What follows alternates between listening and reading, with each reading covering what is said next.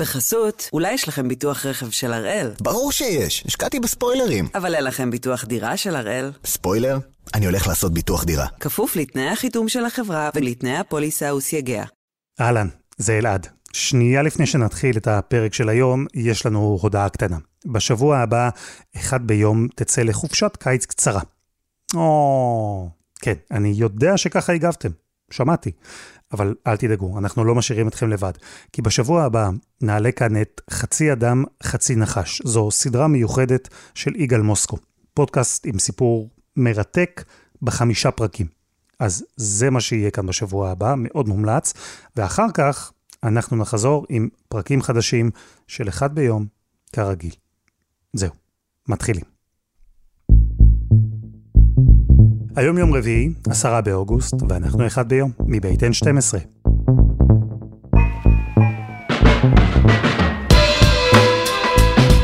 אני אלעד שמחיוף, ואנחנו כאן כדי להבין טוב יותר מה קורה סביבנו, סיפור אחד ביום, כל יום.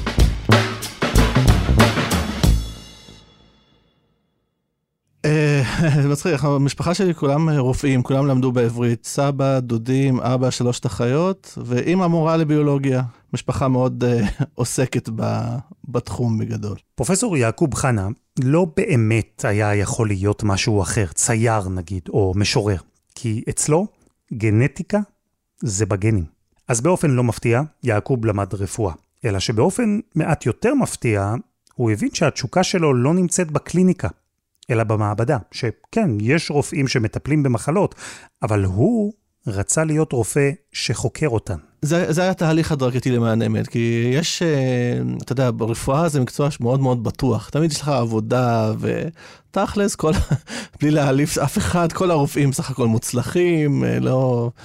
אה, במדע אתה זה מאוד מאוד קשה, כי אתה גם צריך לגייס משאבים, וזה מאוד תחרותי, וזה, צריך רעיונות, ואם יש לך משאבים באמת לעשות את הרעיונות, ושהניסויים בכלל יצליחו, זה הרבה הרבה יותר קשה, אבל גם הריגוש הוא יותר גדול. ודבר שני, אני מאוד הושפעתי מדוד שלי, שהוא כמו אבא, שהוא היה הראשון שפיתח אה, נוגדן לטיפול בסרטן, אה, נוגדן למחלת הלימפומה, תרופה שנמכרת במיליארדי דולרים, והוא כמו אבא שלי, הוא כלומר מאוד השפיע עליי, אה, מאוד רציתי להיות כמוהו באיזשהו מובן. דוד שלך תמך בך, או שדווקא מהניסיון שלו הוא אמר שעדיף לך להיות רופא רגיל במרכאות? לא, לא, הוא מאוד מאוד מאוד תמך, גם המשפחה, ואתה יודע, גם כמו שכל כל המשפחות, גם עם המשפחות הערביות, הם, הם אלמנט פולני קשה.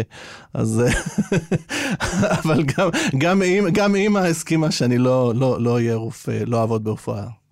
ואיך הגעת דווקא לגנטיקה? קצת סקרנות, שחיפשתי להתמחות בתחום מחקר לפני 15 שנה כבר. אז נורא סקרן אותי התחום הזה, כי אז היה התחום ממש בחיתוליו. פשוט הרגשתי שזה תחום אה, שיש בו המון המון שאלות לא פתורות, וזה משך אותי, וככה התחלתי לעבוד בתחום. אז הפעם אנחנו עם פריצת הדרך שהוביל פרופסור יעקוב חנה מהמחלקה לגנטיקה של מכון ויצמן. בלי שימוש בזרע או ביצית, הוא יצר עובר של עכבר. עובר מלאכותי, שאולי בעוד לא המון שנים יציג לנו עולם חדש ומלא אפשרויות, מבשורה ענקית לבעיות פוריות ועד איברים זמינים ובטוחים להשתלה בבני אדם. אז רגע לפני שנגיע לעולם שבו אפשר בעצם לגדל איברים בטוחים מותאמים אישית להשתלה, נתחיל בבסיס, במושג יסוד ששווה שכולנו נהיה באותו עמוד לגביו. המושג הזה הוא תא גזע עוברי, כי כל מה שנאמר כאן בפרק הזה מבוסס בעצם על העניין הזה. תא גזע עוברי. תא גזע באופן כללי זה תא שיכול לתת מוצא לרקמות מתחתיו. כלומר, הוא, הוא תא אב שמייצר תאים ממוינים יותר. והתא גזע העוברי הוא מקביל לשבוע הראשון בהתפתחות העובר. כלומר, אם אתה חושב על ההתפתחות כפירמידה, זה הקודקוד של הפירמידה. זה התא הכי רב-תכליתי שקיים, שהוא נותן, הוא תא אב להכל. תא גזע עוברי הוא הלוח החלק של הגוף שלנו, זה שעליו אחר כך הכל נבנה.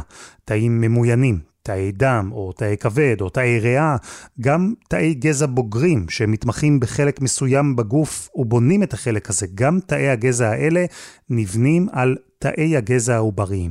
והם, העובריים הם הבסיס, משם הכל מתחיל. נכון, נכון, בדיוק. זה כמו, אתה יכול לחשוב על זה בתור אה, אה, עץ כזה שמתפצל לענפים. תחשוב, יש לך עובר שהוא מעין כדור של תאי גזע, הוא מתחיל להתפתח, מתחיל לייצר את האיברים שלו.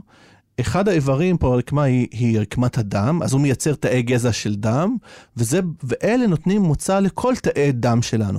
במקביל אה, נוצר הכבד, אז בכבד יש את תאי גזע של הכבד, שהם אחרי זה מתמיינים ומייצרים את כל הכבד. אז זה, זה התפצלויות שונות, יש התפצלות לכיוון הדם, ויש דוגמה אחרת התפצלות לכיוון הכבד, אפשר לדבר גם על התפצלות לכיוון רקמת המוח, אבל בסוף הנקודת ההתחלתית היא תא גזע עוברי.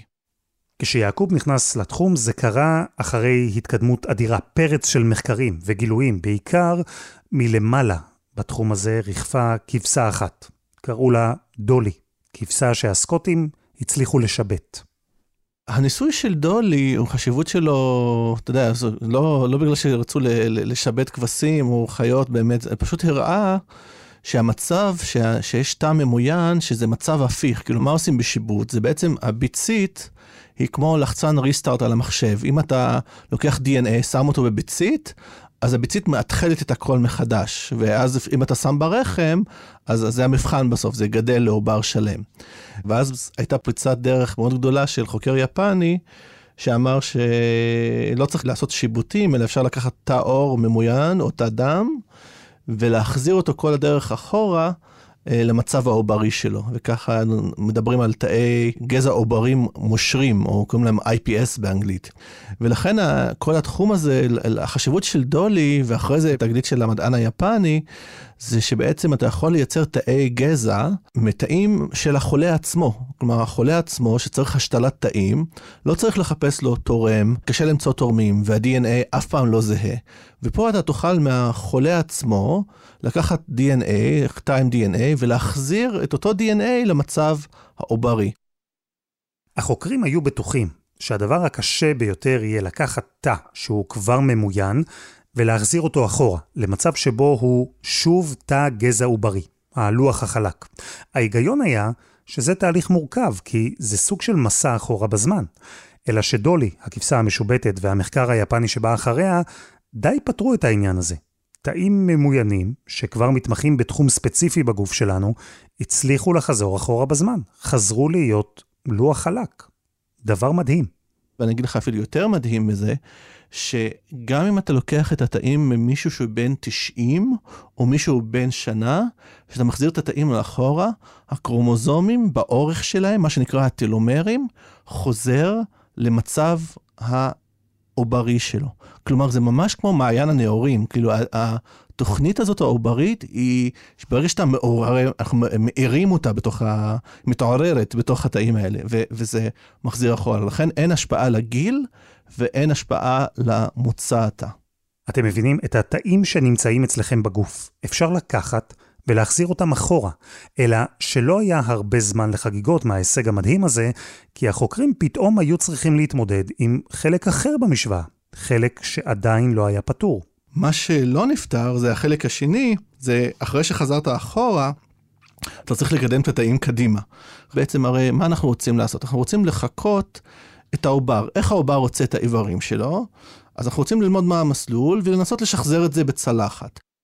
ברשותכם אני אפשט קצת, כי אני מניח שכמוני, חלקכם לפחות קצת הלכתם לאיבוד. לי פשוט הייתה הפריבילגיה להרים טלפון במהלך היום ליעקוב עוד כמה פעמים, ולבקש שיסביר לי הכל עוד פעם. הוא הסביר אגב, בסבלנות. אז החוקרים ידעו שאפשר לקחת תא ולהחזיר אותו אחורה. יופי, אבל הם עדיין לא ידעו איך עובד הצד השני, איך מתא גזע עוברי, מהלוח החלק שלנו, איך בדיוק נוצר עובר, איך הוא מרכיב איברים. כמו שתיארתי לך כזה שהמסלול ההתמיינות הוא, אתה לא יכול לחשוב על זה כמו עץ או, או, או דרך עם הרבה התפצלויות, אוקיי? ומה שמתחילים להבין היום, שבשביל להגיע מנקודה א' עד ת', אוקיי? ואתה צריך לעבור הרבה מסלולים, אז מתי אה, נקודה ב' מתרחשת ובאיזה עוצמה, זה מאוד משפיע. ואז יש לך נקודה ג', מתי היא מתרחשת ואיזה עוצמה, ויש לך עוד ועוד התפצלויות, ובסוף זה מה שמביא להתמיינות תת-תקין. אז המורכבות הזאת, אנחנו לא מצליחים לשחזר אותה. והעובר, הוא עושה את זה לבד, כי בעצם תא גזע, הוא מתארגן לבד, self-organizing, כלומר כל המידע הזה הוא טמון בתוכו, והוא מתחיל את זה. הוא עושה את כל ההתפצלויות האלה בזמן, כי זה בעצם מה שהגנטיקה שלו מקודדת. אז זה דבר אחד, זו תעלומה אחת. איך העץ הזה מצמיח ענפים ועלים. את זה החוקרים לא ידעו. ויש עוד עניין, כי בעצם התהליך הזה, שבו תא גזע עוברי מייצר תאים ואיברים, התהליך הזה קורה יחסית מהר, זה בתוך ימים כבר נעשה. והתהליך הזה קורה במקום שבו לחוקרים אין את כל הגישה שהם היו רוצים שתהיה להם. הבעיה שהעובר ביונקים עושה את זה בתוך הרחם, בניגוד למשל בדגים או בצפרדעים. והרחם הוא לא שקוף, אנחנו לא שולטים בסביבה שלו. העובר גם מייצר את האיברים שלו בדיוק כשהוא נכנס לרחם, אז העובר מאוד קטן וזה קורה נורא נורא מהר. גם בבני אדם, אגב, העובר נכנס לתוך הרחם ההשרשה, נגיד, שבעה ימים, ותוך שלושה שבועות מסיים את ייצור כל איבריו. כלומר, שאר השמונה חודשים של ההיריון הם רק, בין סוגריים, גדילה. וזה בעצם, התקופות האלה, קוראים להם אורגנוגנזה, כלומר יצירת האיברים, זה ממש ממש קופסה שחורה בסך הכל. יודעים כמובן בעכברים, אבל ממש לא מספיק, לא ברזולוציה גבוהה. ואם אתה בכלל מדבר על חיות אחרות, קופים, בני אדם, זה באמת אה, בלתי אפשרי לחקור את זה. אז זה פשוט באמת אה, קופסה שחורה שלא יודעים עליה כלום. אז זו בעצם הייתה התעלומה שיעקוב רצה לפתור, להבין איך תאי הגזע העובריים שלנו בונים איברים. ויותר מזה, הוא רצה לחקות את התהליך הזה גם מחוץ לרחם, בסביבה שהוא כמדען יכול לשלוט בה. אני מרגיש שאתם צריכים טיפה אוויר כדי לעכל את כל זה. גם אני. אז חסות אחת וממש מיד חוזרים.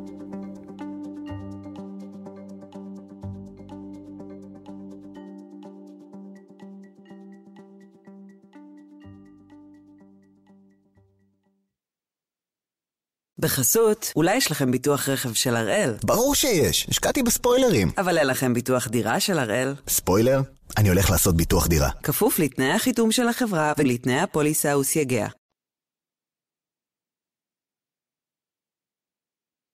אנחנו עם פריצת הדרך של פרופסור יעקוב חנה ממכון ויצמן. הוא הצליח לגדל עובר סינתטי של עכבר במעבדה, בלי אימא, בלי אבא, בלי זרע, בלי ביצית, עובר שאולי מסמן את הדרך לעתיד שבו האנושות כולה תוכל ליצור איברים מותאמים להשתלה בטוחה בבני אדם. נכון, זה עוד רחוק, אבל אולי בעזרת העכבר של יעקוב התקרבנו לשם. נכון, זה המטרה. כלומר, אם זה חולה שסכרת, אתה צריך לייצר ממנו תאים שימצרים אינסולין. אם זה חולה כבד, אתה צריך את תאי כבד. אם זה חולה פרקינסון, אז אתה צריך לייצר את הנוירונים הספציפיים שמפרשים דופמין. זה הגול שלנו, זה המטרה. ככה אתה לא צריך תורם, ה-DNA זהה לך, ולא יכולה להיות בכלל דחייה. אתה לא צריך לקחת סטרואידים וכל התרופות האלה, שגם הן לא מצליחות למנוע דחייה. אז לכן זה, זה העוצמה של, ה, של המחקר הזה בסוף. אז יעקוב רצה לחקור איך תאי גזע עובריים יוצרים איברים. והוא רצה לקחת את התהליך שקורה ברחם, להעתיק אותו ולגרום לו לקרות בתנאי מעבדה. הכל כדי שבסוף, מתישהו, מישהו יוכל לקחת מאדם חולה תא, כל תא שיש לו בגוף, להחזיר את התא הזה אחורה, למצב של תא גזע עוברי, ואז לגרום לתא העוברי הזה לייצר את האיבר הדרוש, ממש כאילו הוא מייצר איבר תקין בפעם הראשונה. ועם השאיפה המאוד שאפתנית הזו, יעקוב יצא לדרך. ואמרנו בוא ננסה לפתח איזשהו אינקובטור ואולי נגדל עוד יום או יומיים. בכלל, ראינו ככה לא שאפתנים במיוחד, כי חשבנו שזה בלתי אפשרי. וזה היה הרעיון, וזה האמת, זה היה פרויקט uh, צעד, זה היה פרויקט שקיבלנו מימון uh, בתור פרס של מכון ויצמן, כי אף אחד לא הסכים לממן כזה דבר. עד היום, האמת היא, לא קיבלתי מימון למחקרים האלה, חיצוני. מה זאת אומרת, מה, צחקו עליכם ממש? אה,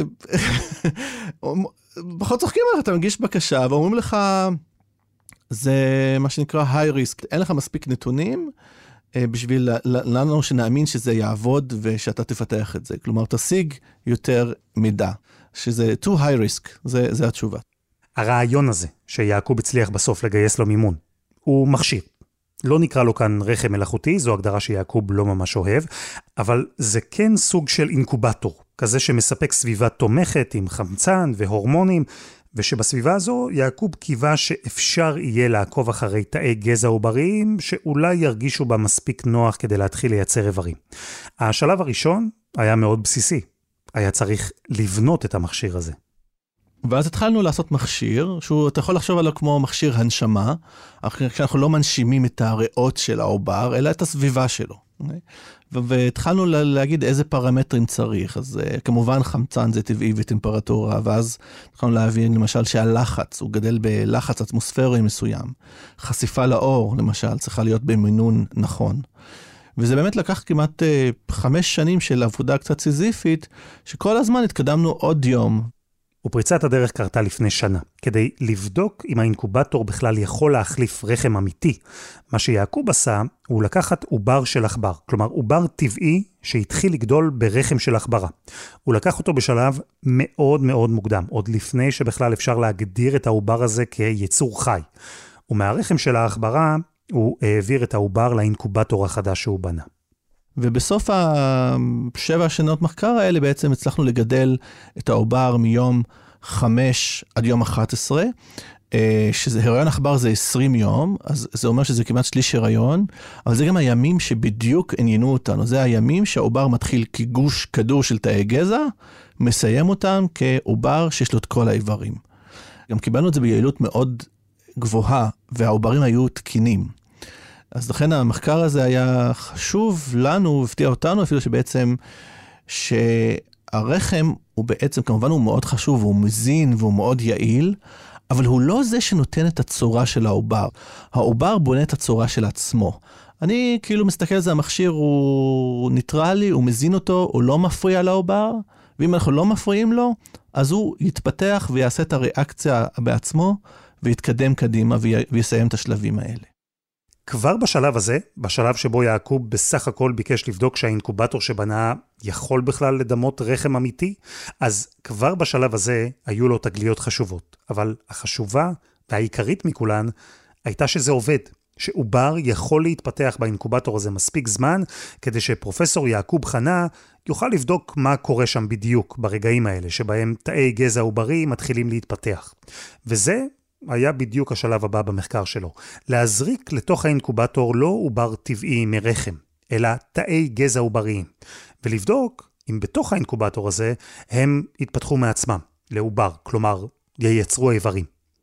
לא יודע, שחצני להגיד לו, זה ה-holy grail באיזה מובן, אבל מבחינתנו זה באמת הצוואר בקבוק הבא שהיינו חייבים לדעת אם זה אפשרי או לא. בעצם הרעיון בסוף אומר, הרי יש לנו, אנחנו מגדלים תאי גזע, אמרתי לך, לפי השיטה של היפני, הכל נהדר, אוקיי? ואנחנו גם יודעים שאם אנחנו, כמובן זה ניסויים בעכברים, והשאלה הייתה, האם יש להם את היכולת לייצר עובר שלם בעצמם, אוקיי? וזה מה שנקרא עובר סינתטי. להבדיל ממה שתיארתי קודם, שאני קוראים לזה עובר טבעי, שזה עובר שנוצר מהפריה ואני מוציא אותו מהרחם, אבל פה זה, אין פה הפריה. יש רק תאי גזע שגדלים בצלחת, אני מקלף אותם מהצלחת, ואני רוצה שהם יתחילו להתארגן לתוך עובר. והדבר הזה, שהוא היה בגדר פנטזיה לכל התחום שנים, לא היה יכול להיפטר בלי התגלית לפני שנה. כי כאילו, תחשוב, אם אתה לא יודע ולא יגד... יכול לגדל עובר רגיל, אז איך אתה תגדל עובר מתאי גזע סינתטיים? תחשבו רגע על הניסוי הזה. לקחת תא מעכבר בוגר, להחזיר אותו אחורה למצב של תא גזע עוברי. לשים את התא העוברי הזה באינקובטור מיוחד, לספק לו סביבה תומכת בדומה לרחם, ולחכות, לחכות ולראות אם התאים העובריים יעשו את מה שהם עושים בשלבים המאוד ראשוניים של הריון טבעי, מייצרים עובר. וזה מה שהצלחנו להשיג. כלומר, ברגע שלקחנו תאי גזע, עוברים בצלחת, שמנו אותם בתנאים במכשיר הזה, ו, ובאמת בסוף זה היה אותו מכשיר, אותו מדיום, אותם תנאים, הם פשוט עבד. התאים התחילו להתארגן במשך שמונה ימים, והגיעו לעובר בין שמונה וחצי ימים, שזה מה שאמרתי לך, זה שלב שעובר שיש בו לב פועם, יש לו תאי גזע של דם, יש לו סרקולציה של דם, אה, יש לו התפתחות של רקמת המוח, מערכת המעיים. והגוש הזה התחיל לגדול ו- ו- ולקבל את הצורה. ואתה ממש רואה התאים שונים הולכים לאזורים שונים, וזה מרתק אותנו, כי באמת, פתאום אומרים, איך הם יודעים לאן ללכת?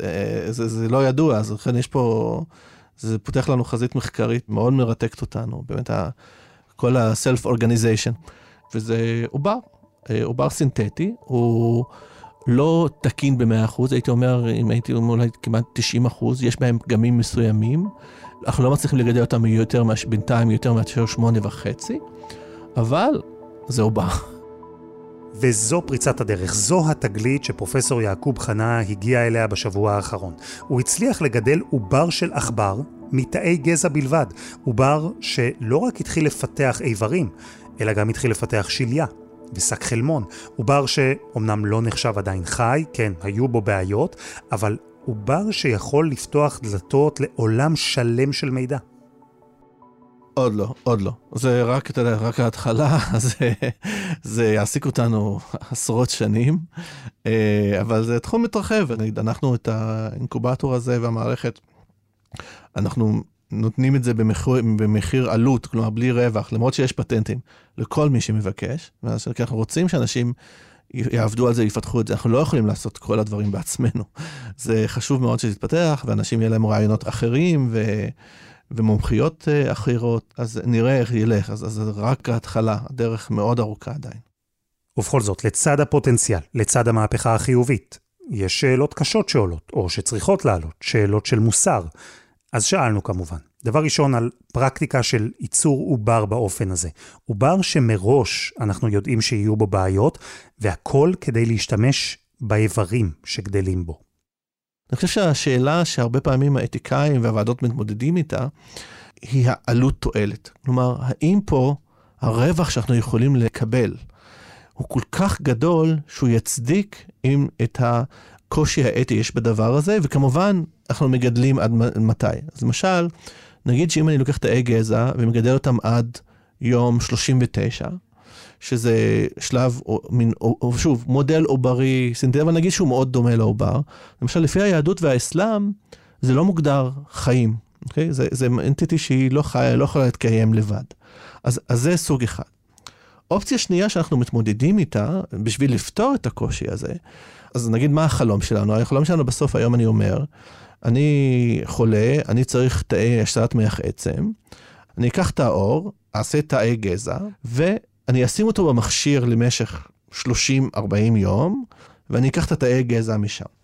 אבל יכול להיות תסריט שאתה אומר, אני לא צריך לייצר את כל, ה, את כל האמבריואיד הסינתטי הזה, הרקמה הזאת. למשל, אני יכול לעשות איזשהי שינוי גנטי, שלאנטיטי הזאת, לישות הזאת, לא יהיה לה לב, אין לב פועם. או אין רקמת מוח בכלל, או אין לב ואין מוח, כי אני לא צריך אותם, אני מח עצם. ובכלל, טכנולוגיה שמייצרת עובר, טכנולוגיה שאין ספק, בעתיד היא תתפתח, אולי תוכל להוביל גם ליצירת אדם, או צבא של בני אדם. גם זה משהו שצריך לדבר עליו, והחוקרים, מתברר, מדברים. הרבה. בעצם המדיניות היא אמ, אצבע על הדופק. כאילו מתקדמים לאט לאט, רואים, שואלים, ולא מין דוהרים קדימה. כי אין, אין חולקין פה שיש פה תועלת אדירה בפוטנציאל, גם בהבנה הביולוגית וגם לייצור התאים, וצריך לעשות את זה עם המינימום אתגרים אתיים, או מינימום גידול ימים, או מינימום אה, מורכבות רקמה בשביל להשיג את המטרה הזאת. קל מאוד, אה, אתה יודע, סבבה, בכיף, לזלוג לעולם, לחשוב על המטריקס ו-Brave New World, הספר הידוע, וכל סבבה, אבל, אבל זה לא המצב. וחשוב מאוד להדגיש שאנחנו גם לא, גם לא מנסים, גם לא יכולים לעשות עכבר מלא מחוץ לרחם, בטח שלא בבני אדם. ואנחנו מנסים לעשות את זה מאוד בזהירות, ונראה איך הדבר הזה יתקדם. אז תרשה לי לשאול אותך שאלה אישית. אתה היום בן 42. אתה מאמין שבעוד 50 שנה הטכנולוגיה תבשיל עד כדי כך שיוכלו לקחת ממך בגיל 92 תא, להפוך אותו לתא גזע עוברי צעיר, ואז באמצעות התא הזה לייצר לך איברים מותאמים אישית, שיחליפו את האיברים שלך, איברים שהזדקנו, אולי חלקם חולים, נפגעו?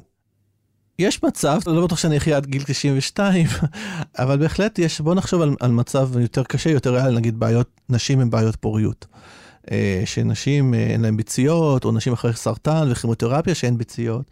אז אני חושב, יכול, יש מצב שתוך 10-20 שנה יהיה אפשר לייצר ביציות בכמות בלתי מוגבלת גם מנ... וגם מנשים שהן לא, לא צעירות, בשביל להשתמש בהן בהפריה.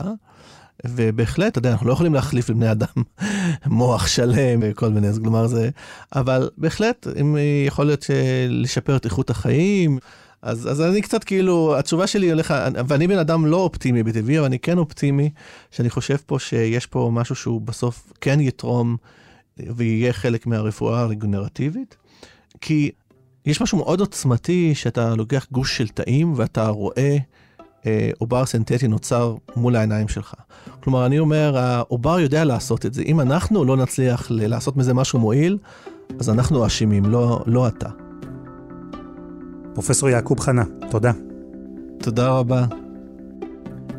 וזה היה אחד ביום, של N12. אנחנו גם בפייסבוק, חפשו אחד ביום, הפודקאסט היומי. העורך שלנו הוא רום אטיק, תחקיר והפקה עדי חצרוני, רוני ארני ודני נודלמן. על הסאונד שניר ימין, יאיר בשן יצר את מוזיקת הפתיחה שלנו, ואני אלעד שמחיוף. אנחנו נהיה כאן גם מחר.